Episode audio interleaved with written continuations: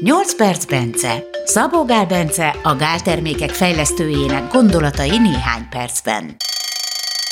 Vagy kicsit hosszabban. Ebben a 8 percben a hasmenés okairól és kezelésének lehetőségeiről beszél Bence. A hasmenésnek rengeteg oka lehet. Lehet, hogy csak valami nem nekünk való tettünk, vagy nem volt elég friss az étel, amit elfogyasztottunk. De bizony komolyabb okai is lehetnek a hasmenésnek. Ezek közül választott ki Bence egy-két gyakori okot. Valakinek mondjuk hasmenéssel van problémája. Nyilván annak lehet sokféle oka, de az egyik oka az az, a termelődött epe, az nem szívódik vissza megfelelően a, a vékony bél végső szakaszán, és ezért túl sok jut a vastag bélbe. És az az epe, ez ugye hát ez kéntartalmú, és emiatt a kéntermelő baktériumoknak a szaporodását fogja a vastagbélben fokozni, tehát ezért rossz hatású lesz a vastagbél flórájára.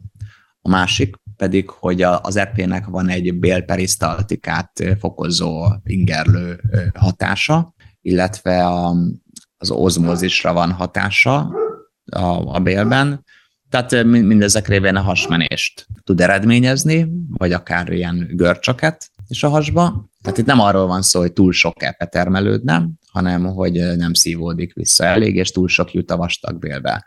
Most hivatalosan ez az embereknek körülbelül talán a 2-3 százaléka van ilyennel diagnosztizálva, viszont tulajdonképpen lehetetlen diagnosztizálni, és azért feltételezik, hogy körülbelül az emberek olyan 10-15 százalékának van ilyen problémája, tehát egy igazán gyakori problémáról van szó, azért is említem.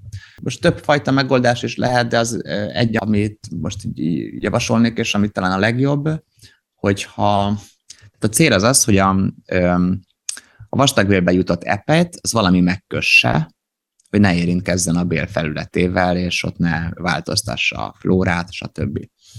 Na most epe megkötő kapacitását mérték ugye különböző dolgoknak, Na és itt egy érdekesség, hogyha a zöldségeket, vagy a, akár a gyümölcsöket valaki megpárolja, akkor jóval nagyobb lesz, mint nyersen, vagy, vagy puhára főzve. Ez az epe megkötő képessége. Különösen répa, a spárga és a szilva esetében. Tehát egy kis párolt, vagy áztatott aszalt szilva például, bár ugye hát az más szorulásra szokott szilvát, vagy azt a szilvát, vagy ilyesmiket enni, de ilyen esetben is jó mégis.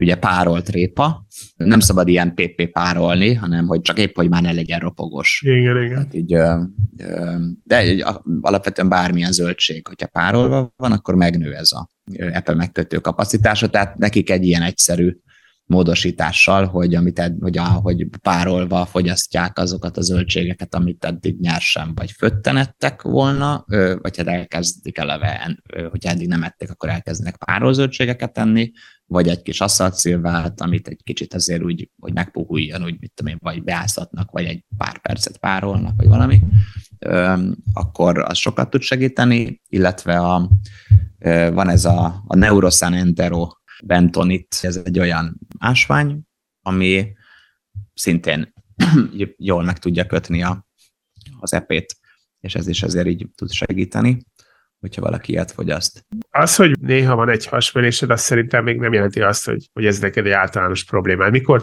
jelent ez, ez egy közelnapi szinten van valakinek hasmenése, vagy lazaszéklete, tehát hogy nincs jól formált. Ugye érdemes megnézni ezt a Bristol skálát, tehát egy normális esetben egy, egy szép egészséges ürülék az úgy néz ki, mint mondjuk egy, nem tudom én, egy banán, vagy valami uh-huh. hasonló. Tehát, hogy így egyben van, de azért nem túl kemény, magától jön ki, nem kell erőlködni, hanem az ember csak így elengedi magát, és így kipottyan gyakorlatilag. Tehát ilyen jó érzéssel jár, és a, a tehát hasmenés az tulajdonképpen bármi, aminek már úgy nincsen nincs állaga. Nincs állaga, igen, tehát nincsenek meg a, nem, nem maradnak meg a körvonalai. És hogyha ez egész nap tart, az már egy orvos állapot. Hát ugye minden nap, ha, ha ez a jellemző széklet, hogy, hogy nincs jól formált széklet, nem jól formált széklet a, a jellemző, mm. én, én azt már ilyen hasmenéses állapotnak mondanám. Tehát ott már biztosan van valami probléma. Egyébként a kávé az is fokozza a, az epének az ürülését, tehát akinek ilyen problémája van, annak érdemes a kávét, a koffeinmentes kávét is elhagyni, mert ez a kolecisztokinint fokozza, amelyik az epe hólyagnak a összehúzódását, tehát hogy az epe ürülését fokozza, illetve egyébként például a kurkuma, meg néhány más dolog is, meg nyilván a zsíros ételek is, tehát például a kurkumin is fokozza ezt.